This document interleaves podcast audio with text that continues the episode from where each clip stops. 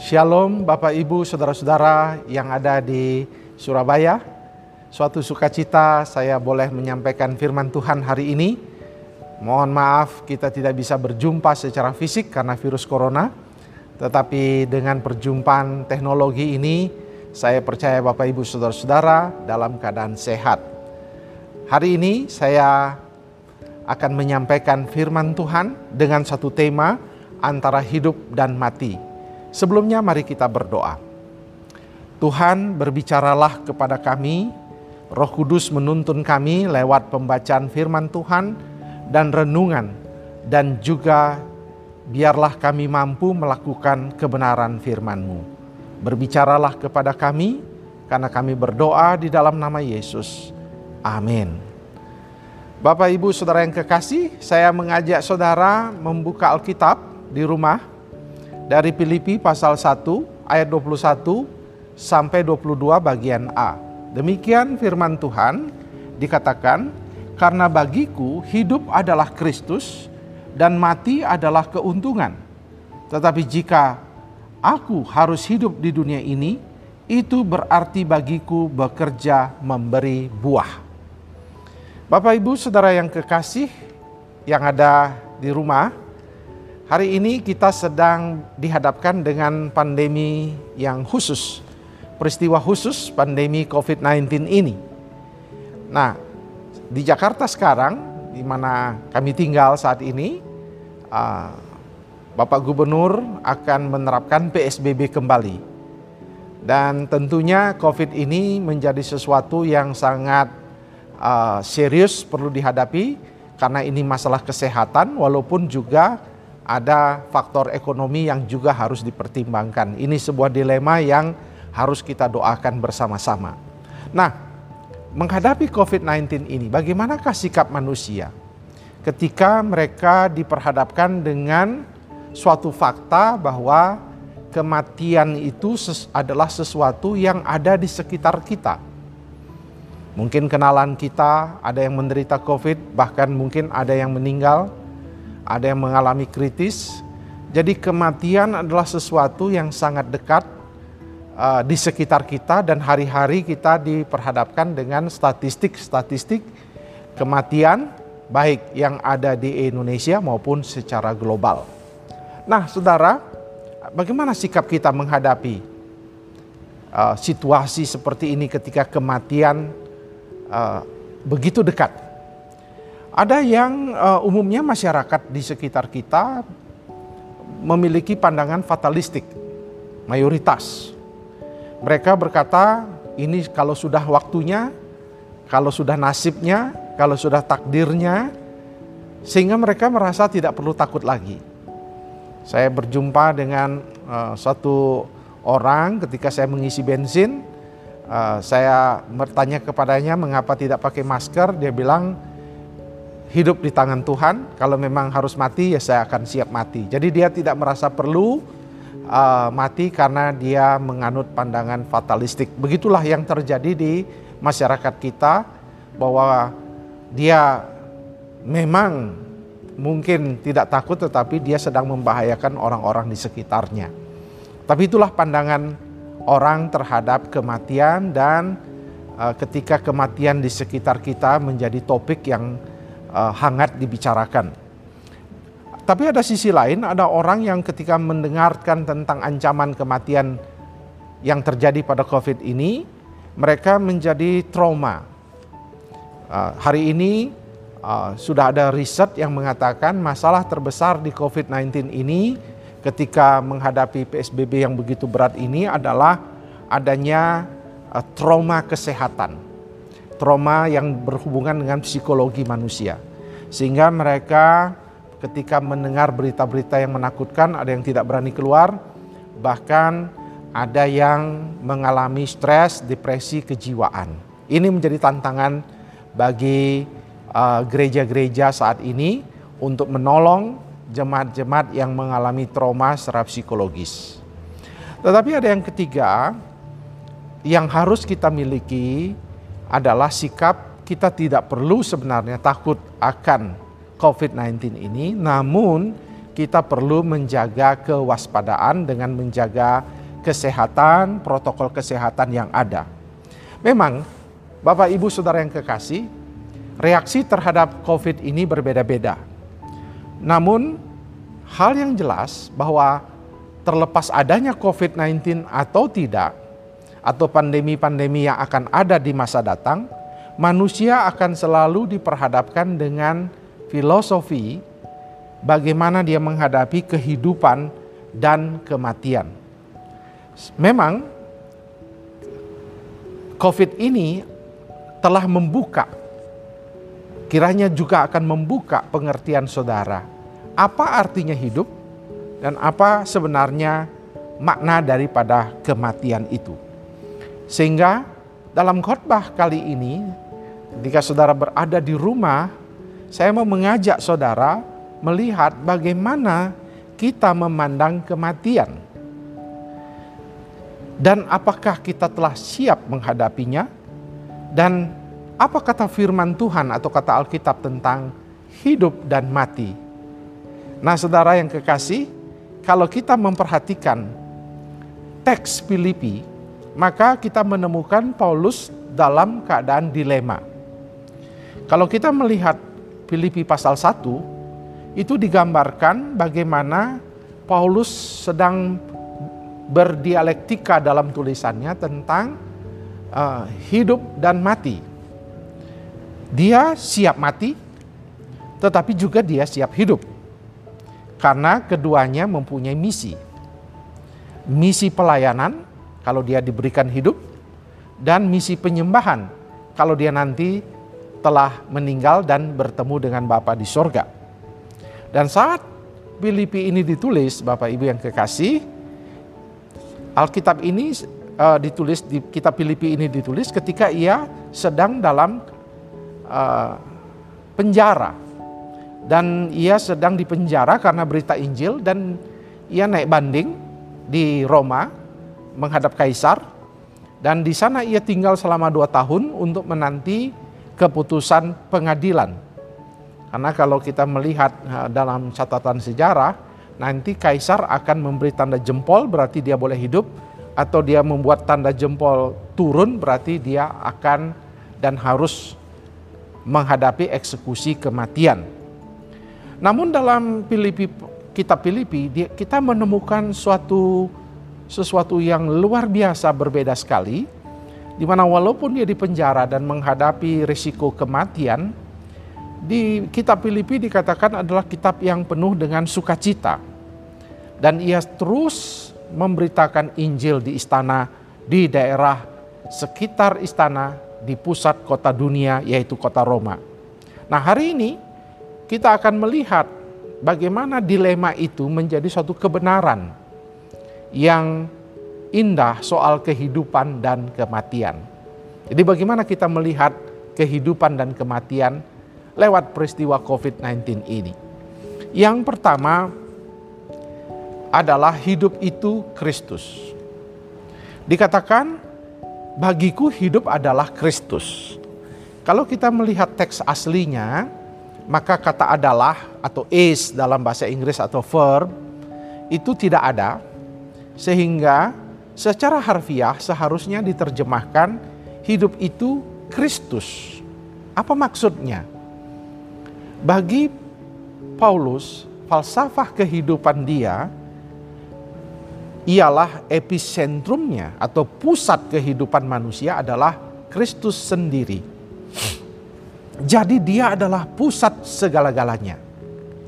Mulai dari keselamatan kita, kehidupan kita sehari-hari, pekerjaan kita, pelayanan kita, kuasa yang ada pada kita, di dalam melayani, dalam berdoa, penyembahan kita, keluarga kita, semuanya harus berpusatkan kepada Kristus. Itulah yang dia maksudkan dengan hidup itu Kristus. Artinya, dia tidak membedakan antara yang rohani dan yang dunia. Baginya, seluruh kehidupan manusia haruslah menjadikan Kristus sebagai pedoman, penyembahan, tujuan dari apa yang kita lakukan dan kita layani. Nah, masalahnya sekarang adalah kenapa surat ini ditulis? Karena jemaat belum menyadari bahwa uh, Kristus itu terintegrasi seluruhnya dalam kehidupan baik di gereja maupun uh, ada di dunia ini.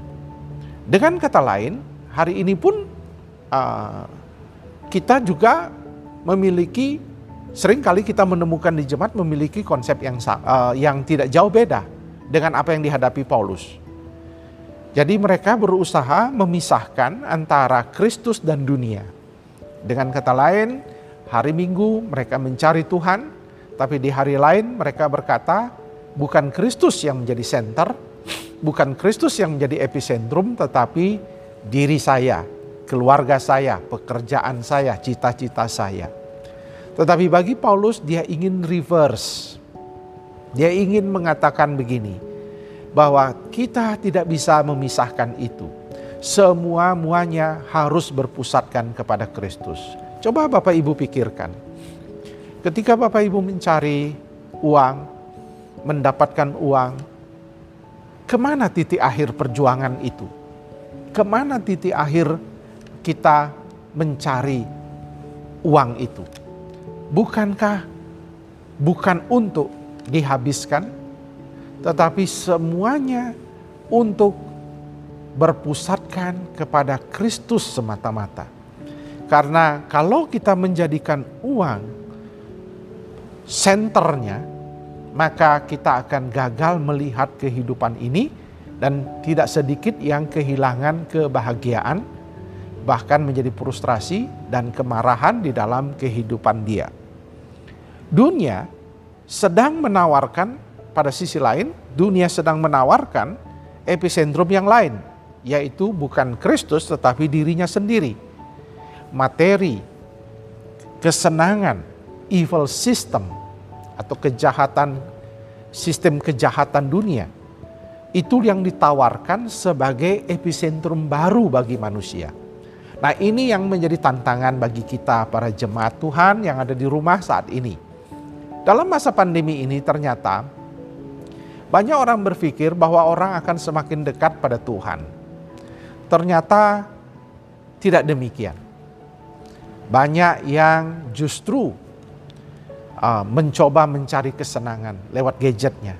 Banyak orang menjadi kecanduan dengan gadget. Di Amerika saat ini uh, tingkat orang mengkonsumsi hashish, narkoba, uh, opium atau heroin sangat meningkat drastis uh, internet uh, kuota meningkat drastis penggunaannya dan penggunaan itu membuat mereka mengalami kecanduan yang begitu luar biasa.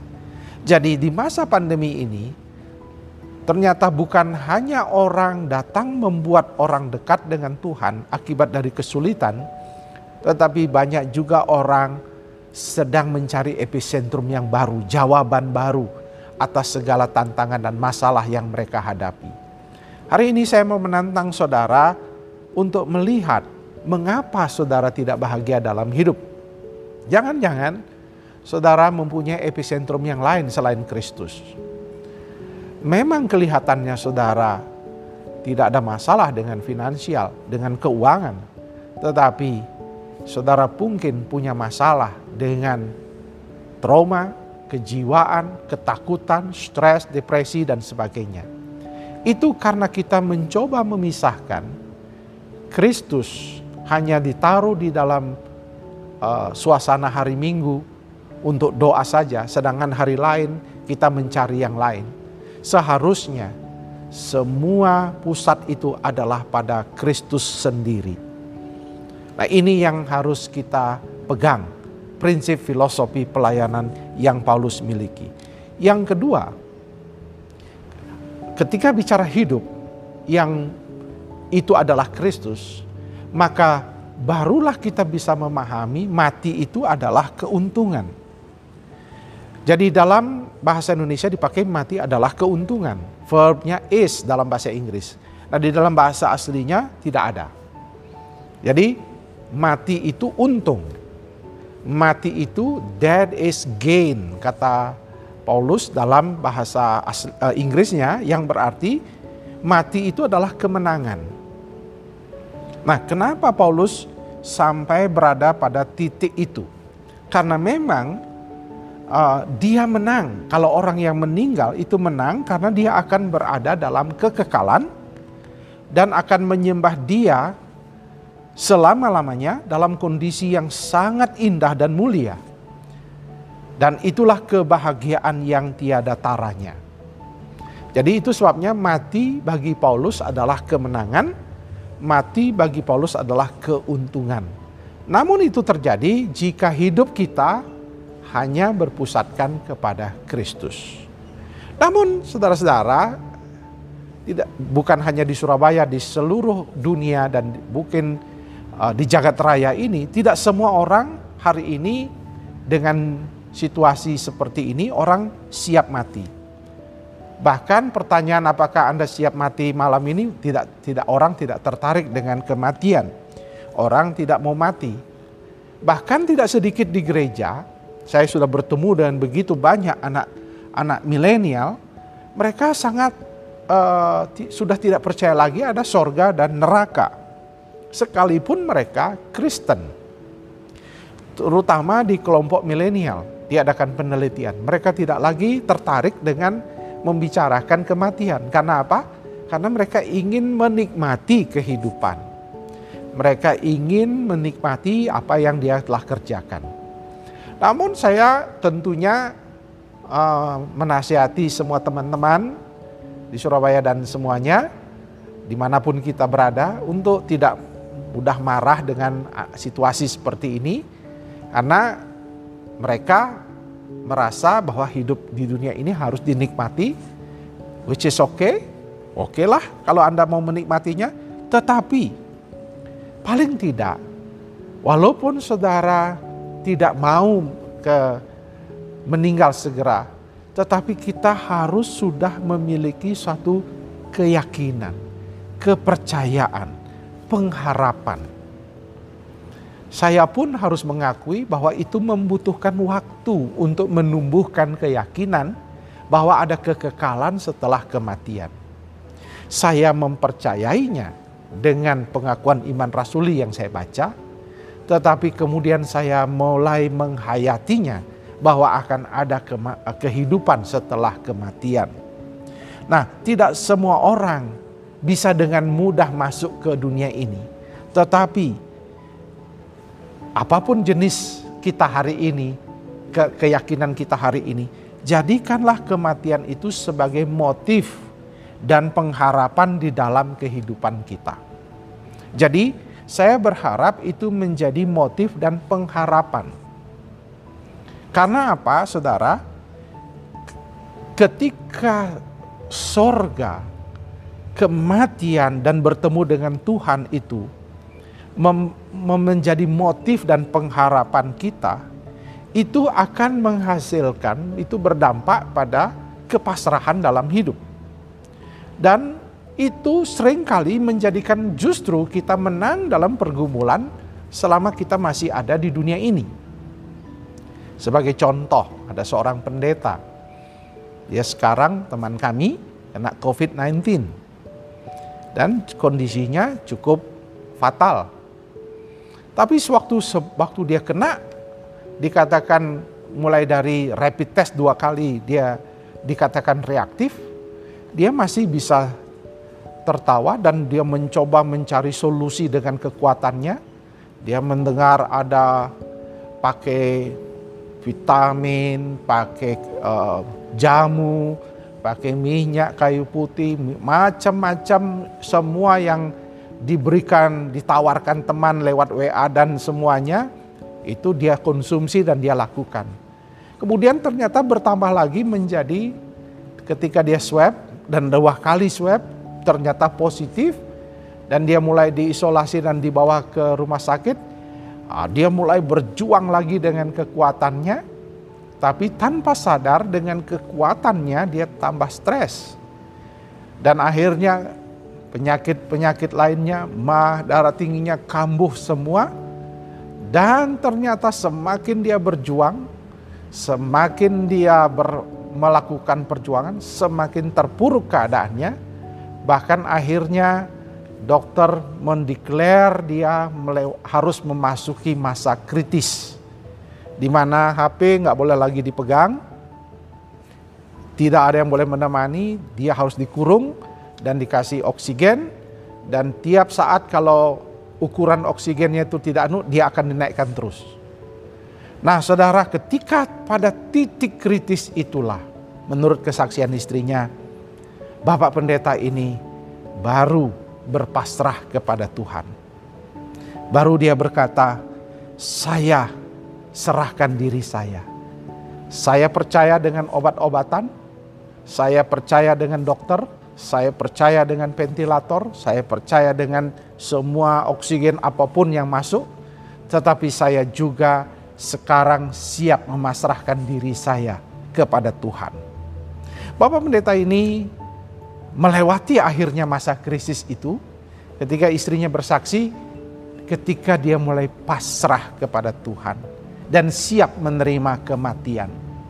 Ketika dia siap menerima itu dan ingin berjumpa, justru pada saat itulah Tuhan menaruh damai sejahtera di hatinya, di pikirannya. Tidak ada ketegangan, asupan makanan mulai naik, dan dia boleh menikmati hidup. Dan akhirnya kemarin uh, dia dinyatakan melewati masa krisisnya dan sekarang dia mulai keadaannya membaik. Padahal situasinya sangat mengkhawatirkan. Kalau kita menonton videonya, pasti kita menduga bahwa tak lama lagi dia akan meninggal. Saudara, ternyata kepasrahan membuat orang menjadi menang. Filosofi kematian tidak mudah dipahami. Filosofi tentang sorga tidak tidak siap mungkin kita hadapi, uh, kita tidak mudah, mungkin siap menerima kematian secepat mungkin ini. Karena kalau ada orang yang meninggal biasanya begitu banyak orang yang akan terharu menangis dan sebagainya tidak rela. It's okay. Saudara mungkin di rumah belum juga siap menghadapi kematian dengan segera. Itu wajar. Paulus pun berdilema, mengalami dilema akan hal itu. Tetapi milikilah suatu kepercayaan. Jadikanlah dia motif kita, pengharapan kita, bahwa ujungnya nanti kita akan pasti bertemu dengan Tuhan. Dan ketika saya siap menerima kematian, ketika saya siap menerima itu, maka justru damai sejahtera Allah yang melampaui segala akal itu akan memenuhi hati dan pikiran kita. Dan ia akan menjadikan semua kehidupan kita akan lebih baik adanya. Jadi ketika kita menghadapi kematian, berita-berita kematian di sekitar kita, do not worry, jangan takut. Serahkan itu kepada Tuhan. Kalau saya waktunya diambil, saya juga siap. Ketika Anda berpasrah, tidak mudah berpasrah, tapi justru itulah yang akan menjadi kemenangan. Dan yang ketiga, yang terakhir, ayat 21 dan di alam 22 dikatakan, jika saya hidup, maka hidup itu haruslah tujuannya untuk memberi buah. Jadi Paulus ingin mengatakan begini, hidup dan mati semuanya memiliki mission, memiliki misi, memiliki tujuan. Jadi saya tidak takut antara mati dan hidup. Saya siap keduanya, apa pun yang Tuhan kasih saya siap. Dan memang akhirnya dia mati, dipancung, di pengadil uh, di Roma karena ke keyakinannya dan karena pemberitaan Injilnya, tapi dia sudah siap. Uh, dia tahu waktu di dalam 2 Timotius dikatakan, akhirnya saya akan siap, kematianku sudah dekat, dia sudah tahu. Tetapi saudaraku yang kekasih, jika akhirnya andai kata Paulus ingin mengatakan, kalaupun akhirnya saya hidup, maka bukan hanya misi yang saya miliki, tetapi juga impact atau dampak. Saya memang punya misi kehidupan untuk menjadikan Kristus pusat kehidupan saya agar the power of Christ, kuasa Kristus sungguh nyata dalam kehidupan keluarga, pelayanan dan pekerjaan saya. Tetapi saya juga harus menghasilkan dampak. Punya buah pelayanan itu sendiri. Paulus menggambarkan pentingnya jemaat Filipi menambah jiwa-jiwa untuk diselamatkan. Hari ini ketika jemaat di Surabaya dalam masa pandemi ini mendengarkan khotbah di rumah masing-masing lewat YouTube live streaming ini, maka saya mau menantang saudara untuk memikirkan kembali how many people you bring to Christ. Berapa banyak orang yang sedang saudara doakan dan bawa kepada Tuhan. Ini penting untuk kita memiliki kehidupan yang berdampak. Minimal saudara memperkenalkan jemaat kita kepada teman-teman. Mungkin mereka tidak bergereja, unchurched people, orang yang tidak punya pilihan dan tidak tahu tujuan hidup. Saudara paling tidak sharing soal diterima atau tidak, tidak jadi masalah. Tetapi ingatlah kehidupan itu harus berdampak. Kemudian buah yang lain adalah kasih. Bagaimana pelayanan diakonia kita? Apakah hanya bersifat temporer atau bersifat gaya hidup? Saya berharap jemaat di Surabaya memiliki gaya hidup dalam berdiakonia, dalam mengasihi, dalam menolong. Kemudian buah apa yang lagi Paulus harapkan kepada jemaat Filipi dan kita semua? Karakter yang serupa Kristus. Buah-buah karakter yang serupa dengan Kristus. Yang pada akhirnya akan membuat saudara-saudara mampu menghadapi kehidupan ini. Karena karakter-karakter itu adalah karakter-karakter yang menjadikan kita mampu mengalahkan dunia. Semua karakter yang Paulus katakan, misalnya jauhilah segala pesta pora kemabukan. Jika kita mulai mengembangkan itu, kembangkanlah kesabaran, sukacita, panjang sabar, dihidupkan, dibuang dan dihidupkan, dibuang yang kehidupan lama, dihidupkan yang baru menjadi buah, maka itu akan menjadi suatu karakter yang akan mumpuni bukan hanya di gereja, tapi dalam kehidupan sehari-hari, dalam pekerjaan dan profesi kita.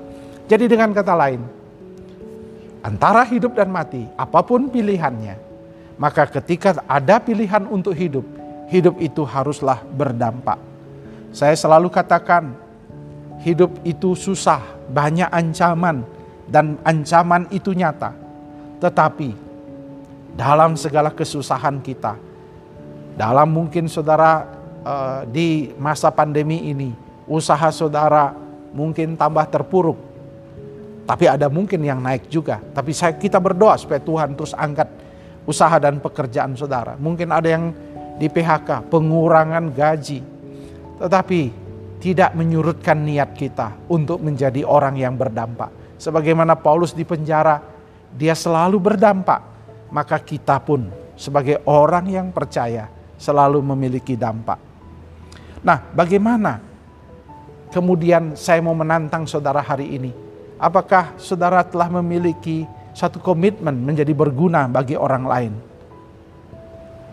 Itu hanya bisa terjadi Ketika saudara mendapat pengajaran yang benar, tetapi pengajaran yang benar haruslah dia dipakai, dipakai dan diaplikasikan dalam kehidupan yang berdampak. Bagaimana dengan kehidupan saudara hari ini?